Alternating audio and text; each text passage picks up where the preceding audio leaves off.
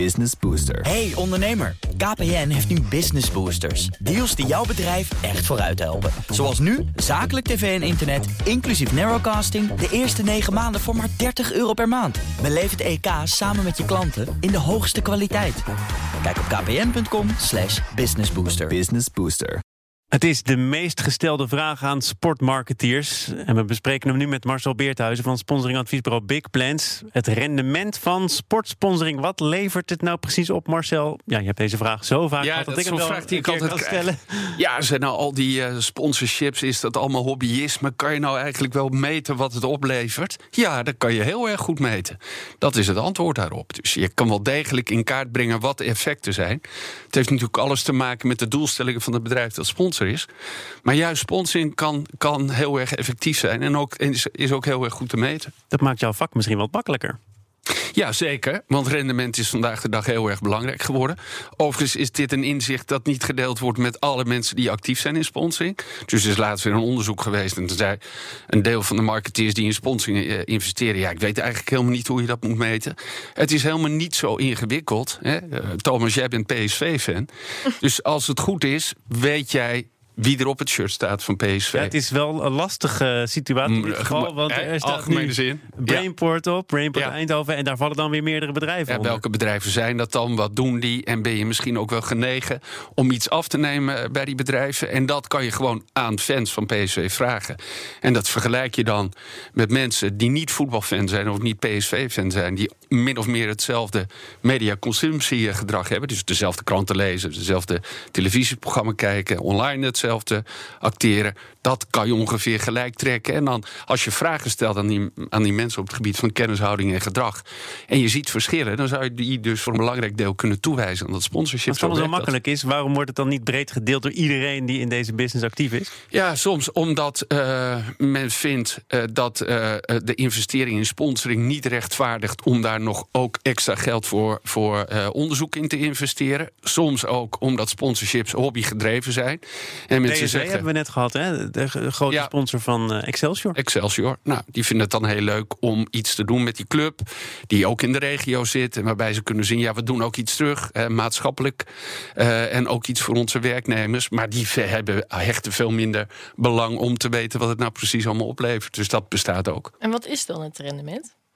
Ja, dat, dat, precies. Dat heeft natuurlijk alles met je, met je doelstellingen te maken. Maar er zijn hele goede voorbeelden. Hè. Als, een, als Albert Heijn een voetbalplaatjesactie doet als onderdeel van een sponsorship, dan zie je gewoon dat het marktaandeel oplevert.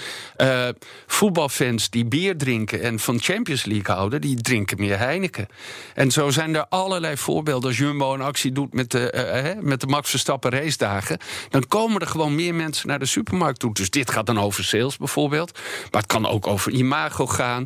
Het kan gaan over het feit dat je je medewerkers wil motiveren. Dus op, op, op basis van je doelstellingen kun je ah, precies meten wat het dan doet. En kun je dat ook vergelijken met andere above-the-line marketing? Ja, zeker. Eh, zeker. Er is eh, eh, groot onderzoek gedaan door Binet en Field. Dat zijn twee eh, Engelse onderzoekers. Die eigenlijk jarenlang hebben gekeken naar alle grote effing-campagnes. Dus de meest effectieve merkcampagnes in Engeland. En die hebben gezegd: één, eh, op dit moment is er heel veel. eh, behoefte bij marketeers om op korte termijn te investeren. Te zeggen, en heel veel digitaal natuurlijk. Zij zeggen, ja, dat is eigenlijk niet goed. Als je 100% budget hebt, dan moet je eigenlijk 40% in korte termijn acties doen. En als je echt je merk wil bouwen, dan zou je 60% moeten investeren in lange termijn acties die het merk bouwen. En daarvan zeggen ze, nou ga ik een beetje klinken als iemand van eh, WC Eend, maar sponsoring is eigenlijk een ongelooflijk goed medium daarvoor. Waarom? Omdat het zorgt voor engagement, hè? het zorgt voor betrokkenheid.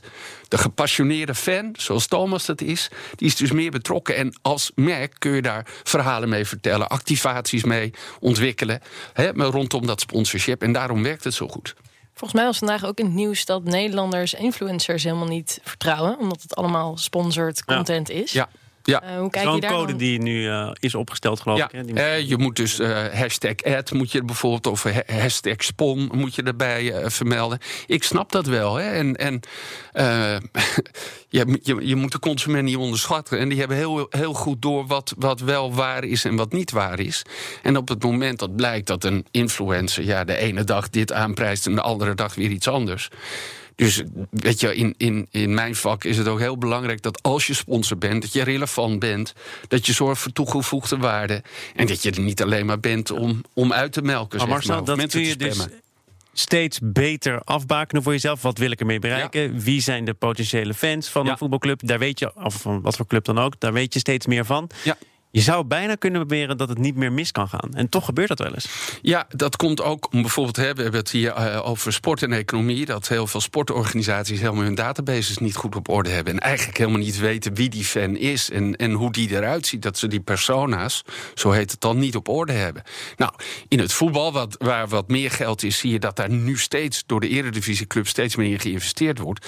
Maar heel veel grote sportbonden, ook in Nederland, hebben eigenlijk te weinig geld hiervoor. En dat is natuurlijk.